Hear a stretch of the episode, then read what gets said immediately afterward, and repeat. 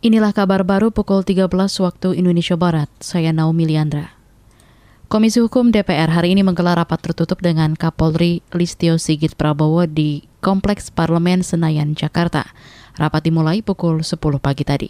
Berdasarkan agenda DPR, rapat akan membahas rencana kerja dan anggaran kementerian lembaga di 2023. Kemarin Ketua Komisi Hukum DPR Bambang Wuryanto menyebut akan menanyakan soal terpidana kasus suap Raden Brotoseno yang masih aktif di Polri dalam rapat hari ini.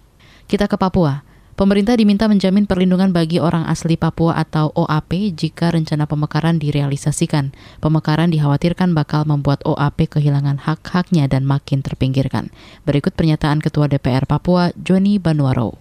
Seandainya pemerintah pusat memaksakan POB itu harus jalan, terus melihat poin-poin yang menjadi masyarakat Papua takut kalau pemekaran tentu bertambah aparat TNI Polri di Papua yang cenderung membuat pelanggaran HAM terjadi di tanah Papua. Ini harus jaminan dari mereka. Kalau dipaksakan oleh pemerintah pusat, ASN harus 80% WAP. Tidak boleh tidak.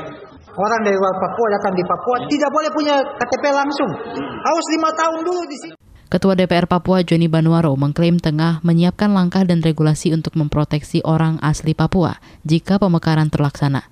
Tujuan pemekaran mestinya tak hanya mempercepat pembangunan infrastruktur, tetapi juga meningkatkan kualitas SDM lokal dan taraf ekonomi mereka. Kita ke informasi olahraga.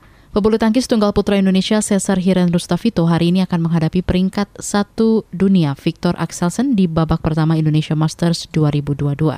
Di atas kertas, Cesar tak diunggulkan karena belum pernah menang dalam dua kali pertemuan atas peraih emas Olimpiade Tokyo itu. Meski demikian, Cesar mengaku tak gentar dan berjanji bakal bermain maksimal di hadapan pendukung sendiri. Menang menjadi target pemain PB Jarum ini. Di partai lain, Anthony Ginting dan Jonathan Christie juga menghadapi lawan-lawan berat. Ginting akan melawan pemain terbaik Thailand Kun Falut, sedangkan Jojo ditantang Sao Chun Peng dari Cina. Demikian kabar baru KBR, saya Naomi Liandra.